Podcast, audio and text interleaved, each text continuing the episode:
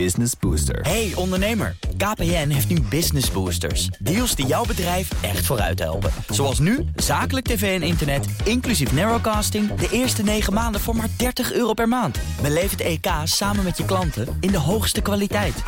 Kijk op kpn.com slash businessbooster. Business Booster. DNR Nieuwsradio. BNR Zaken doen. Thomas van Zeil. China en de Verenigde Staten hebben dit weekend flinke vooruitgang geboekt. Althans, zo wordt het geformuleerd in het verminderen van de onderlinge handelsspanningen. Is een definitieve oplossing voor het conflict in zicht? Dat bespreken we vandaag met het economenpanel. Dat nog wacht op voltooiing. Maar hier in ieder geval te gast is Harald Benink, hoogleraar bankwezen en financiering aan de Universiteit van Tilburg. En Arnold Boot, hoogleraar ondernemingsfinanciering en financiële markten aan de Universiteit van Amsterdam, is onderweg. En gelukkig kunnen we in ieder geval tot die tijd ook rekenen op mijn zakenpartner van vandaag, Annemieke Ondernemer, bestuurder en hoogleraar. Welkom. Dankjewel. De G20, ja, dat was natuurlijk een zekerheidje dat we het daarover zouden gaan hebben. Uh, toen we dat besloten was nog niet helemaal zeker wat eruit zou komen. Nu wel, 90 dagen in ieder geval de tijd om iets anders voor elkaar te krijgen buiten de tariefheffingen die nu tot die tijd in ieder geval van de baan zijn. Um, Harold, wat vind je daarvan? Nou, het is altijd goed uh, dat er gesproken wordt tussen partijen. Want als het niet was uh, gebeurd en dit uh, had opgeleverd, waren de tarieven per 1 januari verder verhoogd. Nou, dat zou weer verdere schade aan de wereldeconomie hebben toegebracht. Dus het is positief dat er gesproken wordt. Alleen het zal moeten blijken wat ze de komende drie maanden kunnen bereiken. Want eigenlijk zijn nog alle echt moeilijke thema's nu op de lange baan geschoven? Nou ja, er zijn natuurlijk gewoon belangen. Wat je ziet is dat, uh, dat Amerika en president Trump wel heel erg bezig is, natuurlijk ook een soort uh, boodschap te kunnen neerzetten. Uh, richting de Amerikaanse kiezers. Want hij wil natuurlijk volgend jaar her, herverkozen worden. Dus voor hem gaat het toch wel heel erg om dat, dat Amerikaanse producten denk aan landbouwproducten, aan soja, uh, uh, zeg maar verkocht wordt aan China. Dus dat hij daarmee kan scoren. Waar nu afspraken uh, over gemaakt zijn. China heeft dat gezegd, toch? Ja, dat, ze, dat ze dat gaan doen. Alleen de invulling dan daarvan, van hoeveel geld gaat het om. En dat moet allemaal gebeuren. Maar het gaat natuurlijk wel, ook aan de andere kant, gaat het natuurlijk wel om. ja, het gaat om dat China meer gaat kopen. Maar het gaat ook om de toegang tot de Chinese markt. Van technologie, intellectuele eigendom, buitenlandse bedrijven. Want daar is het natuurlijk nog steeds zo dat het heel moeilijk is de, voor buitenlandse bedrijven om naar binnen te komen. Het verbetert wel, maar het is nog steeds een grote mate van asymmetrie. Dus en daar is ook nog geen doorbraak geformuleerd en geforceerd. Want dat is nu dus juist waar ze de komende drie maanden over zouden moeten gaan nadenken. Ja, en dat zal dan moeten. En China is natuurlijk een hele slimme onderhandelaar. Hè. President Xi is natuurlijk echt een lange termijn strateeg, die ook niet herkozen hoeft te worden. Die zit toch heel anders in het spel dan, uh, dan Trump, die daar wel mee bezig is. Dus daar liggen allerlei toch misschien wel verschillen tussen korte termijn gerichte en lange termijn belangen uh, tussen deze twee presidenten. Nou, je kunt je natuurlijk ook afvragen: uh, wat hebben de Amerikanen nog te bieden? Ik kom net zelf uit China en Korea. Uh, maar als je toch ziet hoe ongelooflijk snel het gaat, dan denk ik ja, dan kunnen we wel over die soja uh, en die mais uh, gaan zitten soebatten. Maar dat, dat lijkt me toch een ongelijke strijd aan het worden. Maar want ik was allemaal, en ook met deze vraag voor een eh, groot deel, heel, heel groot deel eens. Wat, kijk, wat, wat op het einde van de dag telt, is je kunt geen handel drijven met jezelf. Nee. Dus iedereen heeft elkaar nodig. Zeker. Dus uh, China kan alleen maar spullen ver verkopen als er ook dingen terugkoopt. Uh, en, en dat betekent dat elk westers land, als die bereid is mee te gaan in de modernisering van de wereldeconomie, dus de grenzen niet op slot gooit, die gaat uiteindelijk mee en die gaat dingen vinden waarmee die kan exporteren. Ja. En zo, werkt, zo heeft het altijd gewerkt. En het risico nu is, en dat is, uh, en dat is wat je ook zag aan het begin van de industriële revolutie. Die kwam op in Engeland. En maar de leidende economie toen was China. En die was zo bang van die industriële revolutie dat ze haar grenzen dichtgooide. En dat was het einde van China voor 150 jaar. En is nu de bedoeling dat de grenzen weer worden opengebroken dan? Ja, die worden opengebroken. Uh, China kan niet, uh, kan niet exporteren zonder te importeren. Uh, maar maar ik, ik, ik weet niet, want ik heb een klein stukje gemist. Maar nou, China is. Het belangrijkste deel van het panel, helaas. ja, nee, klopt. Maar, maar toch even. Kijk, China is een opkomend land. Hè? Als wij de gemiddelde, of Amerika de gemiddelde welvaart per persoon had als China, dan was het een onvoorstelbaar arm land. Het, het is pas over 50, 60 jaar dat China gemiddeld genomen een beetje in de buurt kan komen van ons. In die opgaande fase zal een land altijd zichzelf enigszins beschermen. En in China komt erbij, en dat, daar verwees Harald ook aan naar.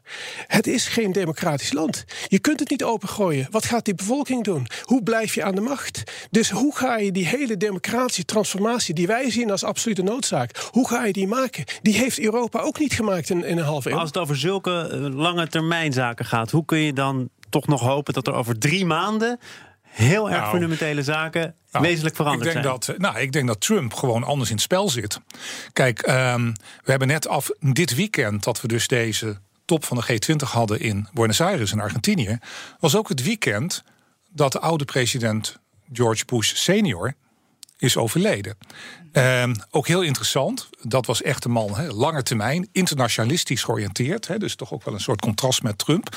Maar een van de grote dilemma's en frustraties van eh, Bush senior- was natuurlijk dat hij, hij is president geweest van 1989 tot 93, maar hij is niet herkozen voor een tweede termijn. Nee, was maar en heel kort. Donald Trump wil absoluut. Of, je, of we het nou leuk vinden of niet leuk vinden. Hij wil absoluut worden herkozen voor een tweede termijn. Dus als hij dan daarbij op korte termijn. hè, dus dat is niet de lange termijn van president Xi. Wat successen kan zeggen. Nou, we hebben de, de export van sojabonen en andere landbouwproducten, en auto en staal en weet ik wat. Allemaal naar China kunnen verdriedubbelen, verviervoudigen of noem maar op. Dan zal hij dat als een succes eh, Maar presenteren. waarom zou China hem dat gunnen? Want die hebben te maken met de langere termijn. Nee, maar China heeft Amerika ook nodig.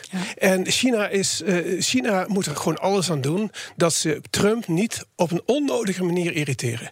En het mooiste voorbeeld is eigenlijk net nadat Trump gekozen werd. Zijn eerste buitenlandse gesprek met de regering, zelfs als tweede, was met de Mexicaanse president. En die had in het openbaar gezegd dat hij natuurlijk niet voor die muur ging betalen tussen Amerika en Mexico. En Trump heeft hem aan de telefoon. Trump zegt het is helemaal niet erg dat je dat vindt en ook helemaal niet erg als Mexico daar niet voor betaalt. Maar zeg het alsjeblieft niet in het openbaar. Dat, de- het gaat over percepties. Maar dat denk ik ook eh, is eh, de afdronk van, eh, ehm, eh, van dit gesprek geweest met Xi en Trump. dat het dat de Chinezen eigenlijk de Amerikanen wel zogenaamd dit korte termijn succesje gunnen. But they know better. En ik denk dat het onderschatten van de kracht van de Chinezen, eh, dat is iets wat we eh, niet, ehm, nou, dat mogen we niet onder het tapijt eh, vegen. Want de Amerikanen hebben veel minder te bieden dan, dan dat wij van de Chinezen kunnen krijgen. Is het ook het Ja, is eh, dat zo? Ja, maar is dat Oh, zo? Ja, want dat heb je nu twee keer gezegd. Ik, ik, ik weet het eigenlijk niet. Amerika, eh, kijk, dat gedoe met Trump en, en die polarisatie in Amerika op dit moment is natuurlijk rampzalig. Maar tegelijkertijd, eh, het is met tweede vaderland. Er is een, een energieniveau in Amerika. En een behoefte, hè, ondanks al die twee, tweedelingen en wie weet wat die er hebt, die dramatisch zijn. Er is, er is een ondernemerschap in Amerika. En ik zou niet weten waarom dat zomaar weg zou zijn. Maar dat is er ook in China. Maar is dat erg? Nee, dat vind ik juist heel goed. Ja. Ik vind het uitstekend. Ik denk alleen dat het steeds meer old-fashioned eh, ehm, agriculture tegenover high-tech China wordt. En ik denk dat we dat ons moeten gaan realiseren. Maar waar zitten de Googles van deze wereld? Amerika toch? Dus, maar China kan ook heel veel zelf. Ik Dat denk dat Dat dat, is prima. Dat is prima dat ze juist heel veel zelf kunnen. Maar dat konden ze tien jaar geleden niet zo. En nu zijn ze eh, minstens op dat niveau.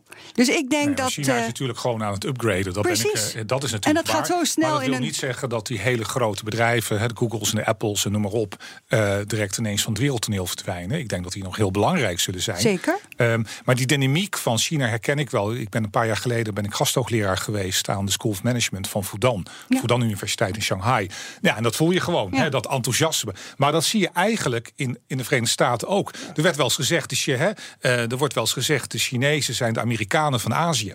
Qua handelsgezindheid, qua entrepreneurial spirit. Dus beide, ja. Eh, maar ja, dan wordt die wereldeconomie alleen maar groter. Hè. Dus we dat gaan- denk ja, ik. De koek wordt groter. koek wordt Maar- groter. Maar dat is, Ja. dat is wat handel is. Maar wordt hier gevochten nodig. om de hegemonie? Of maakt het helemaal niet uit wie uiteindelijk Ah, de grootste nee, economie nee, heeft... kijk, of wie de bovenliggende partij is? Maar als je het over hegemonie hebt, dan heb je het niet over wie het rijkst is. Maar dan heb je het wie over wie de, wie de macht heeft en de macht kan misbruiken. Ja, want met name het laatste, macht kan misbruiken. Is het niet zo dat Trump daar heel erg aan hangt? En misschien logisch vanuit zijn perspectief? Hij hangt nadrukkelijk aan het misbruiken van macht, zou ik zeggen. Ja, goed. Eh, Want eh, de wijze, waarop, eh, de wijze waarop hij zich manifesteert ten opzichte van elk land, doet er niet toe hoe fatsoenlijk het land is. Kijk naar Canada, hoe hij zich manifesteert. Hij hecht aan macht. Ja. En hij, hij hecht aan de publieke perceptie van dat hij plotseling uit het niets de machtigste persoon van ter, ter wereld is. Alsof hij niet realiseert dat het zijn ambt is. Terwijl de hegemoon, de hegemoon um, die heeft juist een enorme verantwoordelijkheid. En zo kennen we natuurlijk ook de VS uh, vanuit de, de hegemonie-discussie. Een enorme verantwoordelijkheid uh, voor de wereld. Maar wanneer een ego uh, doet alsof hij de hegemoon is, dan krijgen we een hele gevaarlijke situatie. Ja. Absoluut. Het economenpanel is te gast en dat bestaat vandaag uit Harold Benink, hoogleraar bankwezen en financiering aan de Universiteit van Tilburg, en Arnold Boot, hoogleraar ondernemingsfinanciering en financiële markten aan de Universiteit van Amsterdam. En mijn zakenpartner is Annemieke Robeek, ondernemer, bestuurder en hoogleraar. Wij gaan het hebben over de G20 en over wat daar besloten is ten aanzien van de Wereldhandelsorganisatie. Arnoud, jij zei dat kunnen we vrij kort houden. Er staan vier regels in het communiqué die jij misschien uit je hoofd kent. Niet, niet letterlijk, maar, uh, maar je, je, je ziet aan de vier, die vier regels zijn er gewoon aan toegevoegd. Hè, dus vijf pagina's ergens staan, uh, of vier pagina's, ik kan het op de iPad niet zo snel zien. Uh, de vier regels zeggen dat de Wereldhandelsorganisatie dat daar reorganisatie behoeft, omdat die niet meer volledig voldoet aan de, aan de doelstellingen waarvoor die staat. En ook dat is, denk ik dan, op uitdrukkelijk verzoek van Donald Trump? Dat is waarschijnlijk zelfs het enige. In, in, in snel doorgelezen hebben, maar ik kan een paar woorden gemist hebben, want het is, uh, het is soms taalgebruik waar je tranen van je ogen krijgt. Zo mooie dingen staan er, maar die staan er waarschijnlijk al 40 jaar in. Um, maar die vier regels, ik denk dat Trump gezegd heeft, die wil ik erin. Hè, want die Wereldhandelsorganisatie, daar hou ik helemaal niet van. Slechte deal ooit, hè? Multilateral, hè, multilateral, alles multilateral hou ik niet van. Terwijl het woord multilateral in die andere vier pagina's komt heel vaak voor. Dus daar wordt de hand aangehouden. Maar ze hebben elkaar gevonden in het onderuit halen eigenlijk in die vier regels van de Wereldhandelsorganisatie. Maar er staat niet bij wat er überhaupt zou moeten veranderen. Er staat ook niet bij wat überhaupt het probleem is. En, dus je schrijft het heel kort op. Vier regels, communiqué kan ieders handtekening eronder. Gaat dit dan ook nog consequenties hebben? Gaat er aan gewerkt worden? Het gevaarlijk is volgens mij dat het wel gaat om die doelstellingen. En als je het al, ik ben stratege, en als je dus de doelstelling wil gaan veranderen, dan ga je dus wel um, uh, een organisatie misschien wel een hele andere richting geven. Dus het is, ook al zijn het maar een paar regeltjes, het is wel heel goed gekozen van die Amerikanen. maar er staat, er staat niet bij de doelstelling is. Hè? Het, het, ah. het, er, staan mooie woorden. Er staan mooie, dat hij moet reorganiseren, dat hij niet meer aan zijn doel voldoet. Maar in de slotverklaring staat dat het systeem niet meer voldoet aan zijn doelstellingen. Ja, maar dan wil je dan de doelstelling veranderen? Nee, het voldoet niet meer aan de doelstelling als je het letterlijk leest. Ja, ja, ja. ja, maar, het, past, uh, het past natuurlijk wel in de Amerikaanse agenda om natuurlijk ook gewoon die toegang tot de Chinese markt. Exact. En daar meer druk op uit te oefenen en die markt verder te openen. En dat is dus positief. Als dat, hè, kijk, er moet gewoon druk op de Chinezen komen om natuurlijk meer reciprociteit langzaam maar zeker te, te, toe te staan. Maar het is niet alleen China. Eh, de, eh, de, wij hebben ook import, importtarieven in Europa. Europa. En sommige zijn ook niet te verklaren. Uh, dus dus, dus als, je, als je op zoek bent, zijn er redenen waarom regeringsleiders, in welk land dan ook, met wat voor achtergrond dan ook, terecht geïrriteerd kunnen zijn af en toe. Ja, die zijn er. Niemand ontkent dat handel, uh, dat daar iets te verbeteren valt vier regels en je kunt er toch nog uitgebreid over discussiëren. Maar dit was wel het einde hier in dit panel, want we gaan het ook hebben over de verhouding Europa en met name de verhouding Europa-Italië. Harold Benink, die is wel eens beter geweest. Um, ja, nou kijk, wat, wat, uh, wat mij in deze hele discussie, kijk, wat we de afgelopen weken natuurlijk hebben gezien, is dat uh, een land als Nederland uh, als een soort aanvoerder van een club van noordelijke landen aan de Noordzee en de Oostzee, de Hanse, de Hanse landen, de Hanse steden. Um, hard van leer trekt tegen uh, Italië. En natuurlijk is in Italië heel veel aan de hand. Is mhm. natuurlijk uh, is er veel te lang getalmd met het, het uh, zeg maar het implementeren van de vormingen. Maar tegelijkertijd heeft het land gewoon hele grote problemen. Denk ook bijvoorbeeld aan de vluchtelingencrisis. Hè, hoe ze door een geografische ligging daarin zeg maar het moeilijk hebben. Dat hebben ze ook wel gebruikt in onderhandelingen, toch? Ja, jawel. Maar bijvoorbeeld twee jaar geleden hadden we ook een situatie dat in oktober, november, dat het Italiaans begrotingstekort hoger was dan uh, zeg maar uh, verwacht. Dat had ook met die vluchtelingencrisis te maken. Nou, wat gebeurde er toen? Toen heeft, uh, begon Europa ook op de trom te slaan. Um, nou, dat gaf ook heel veel negatieve politieke dynamiek, zoals soms dat wel genoemd wordt. Uiteindelijk heeft Renzi, de premier, die hervormingsgezind was, die ook een soort bondgenoot werd gezien van landen als Duitsland en uh, Nederland, het veld moeten ruimen. En nu zijn de populistische partijen aan de macht. En eigenlijk wat, wat ik probeer te zeggen is, als ik, um, ik ben voorzitter van het Europees Comité van Hoogleraar, het, het Europees Schadecomité. En al twee jaar zeggen wij dat er een soort negatieve politieke dynamiek is tussen Noord-Europa en landen als. Uh, als uh, Italië. Dat dus ze hebben heel erg een stik, hè, de stok. En zeg je moet je hervormen, je moet bezuinigen. En eigenlijk voor de rest mondje dicht. Omdat de noordelijke landen anders uh, moeten gaan betalen. Ja, maar het grote punt is natuurlijk, we kunt ook nadenken hoe kunnen we die landen proberen aan te zetten, prikkels te geven om zeg maar moeilijke maatregelen te nemen. Want je kunt wel met de stok slaan, maar als het toch uiteindelijk daar heel moeilijk implementeerbaar is. En wat wij hebben bepleit is een soort carrot en stick benadering. Dus dat je zeg maar een, een actieplan, een beleidsplan gaat maken voor Italië de komende jaren.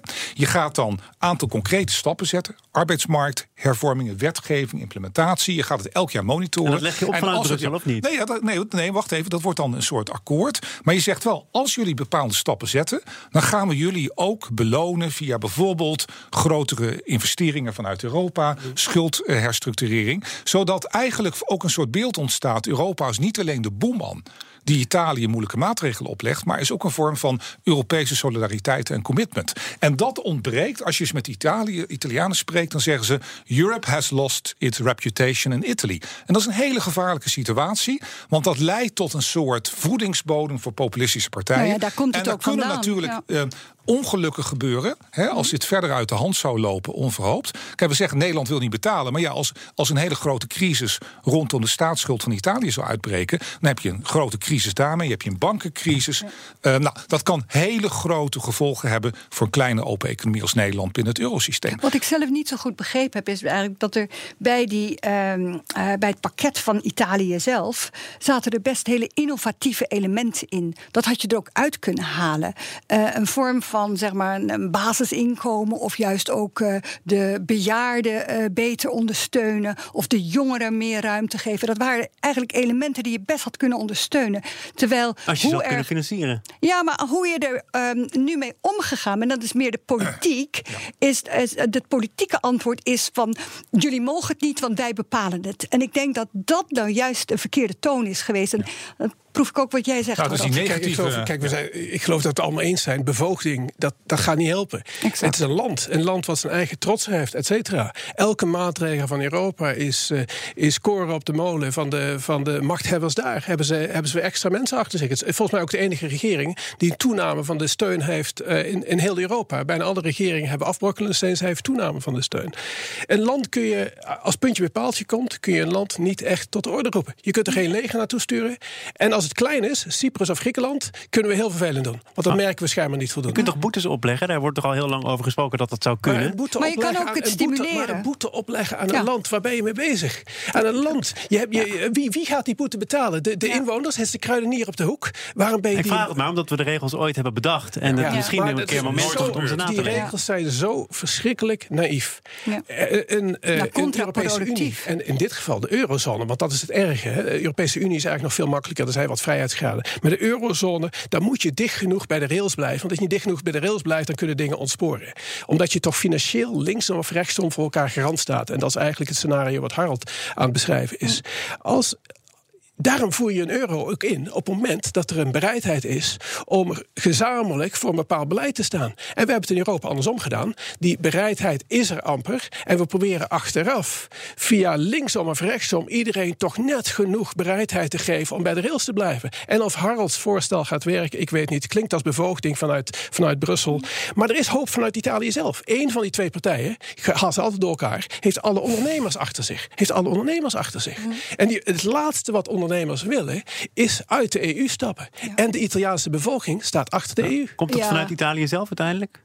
Ja, maar ik denk dat je ze wel kunt verleiden. En dat is dus de benadering van carrot en stick. Dus wat ik probeer te zeggen eigenlijk steeds... die negatieve politieke dynamiek... dat wij vanuit Duitsland, Nederland zo met die stok bezig zijn... dat, dat is contraproductief. Absoluut. En daarmee dien je misschien niet het strategisch Nederlands belang. Dus de oproep eigenlijk ook wat aan, aan hoe wij vanuit Nederlandse politiek dit aanvliegen is... denk nou nog eens een keer na of de huidige strategie, hoe we bezig zijn... of dat nou de meest slimme strategie is om Italië te bewegen tot veranderingen. Nou, het klinkt heel ja. stoer, maar ik denk dat toch een zekere herbezinning hier op zijn plaats zou kunnen Nou, ik zijn. denk ook dat het hele Noord-Zuid tegen, de hele Noord-Zuid tegenstelling die hierdoor nog meer aangewakkerd wordt, dat Precies. dat nou juist zo fout is. Eh, En daarom was ook meer mijn pleidooi van luister nou eens een keer naar de Italianen en kijk nou eens waar er wel elementen in zitten waar je eh, ook vanuit Europa positief op in kan gaan. Want inderdaad, het heeft geen zin om boetes uit te geven. Dan kunnen we beter zeggen laten we een stimuleringsprogramma geven. Ja? Tot slot.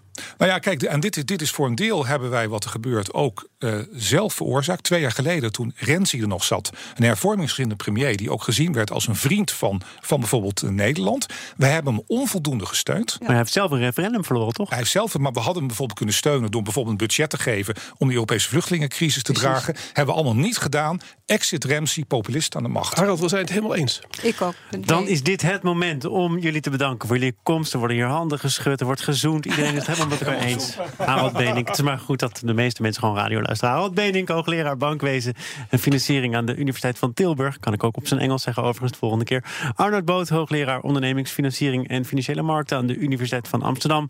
En speciale dank aan mijn zakenpartner van vandaag, Annemieke Robeek, voor je debuut. Ja, ik vond het erg leuk om te doen. Business Booster. Hey ondernemer, KPN heeft nu Business Boosters. Deals die jouw bedrijf echt vooruit helpen. Zoals nu, zakelijk tv en internet, inclusief narrowcasting... de eerste 9 maanden voor maar 30 euro per maand. Beleef het EK samen met je klanten in de hoogste kwaliteit. Kijk op kpn.com businessbooster. Business Booster.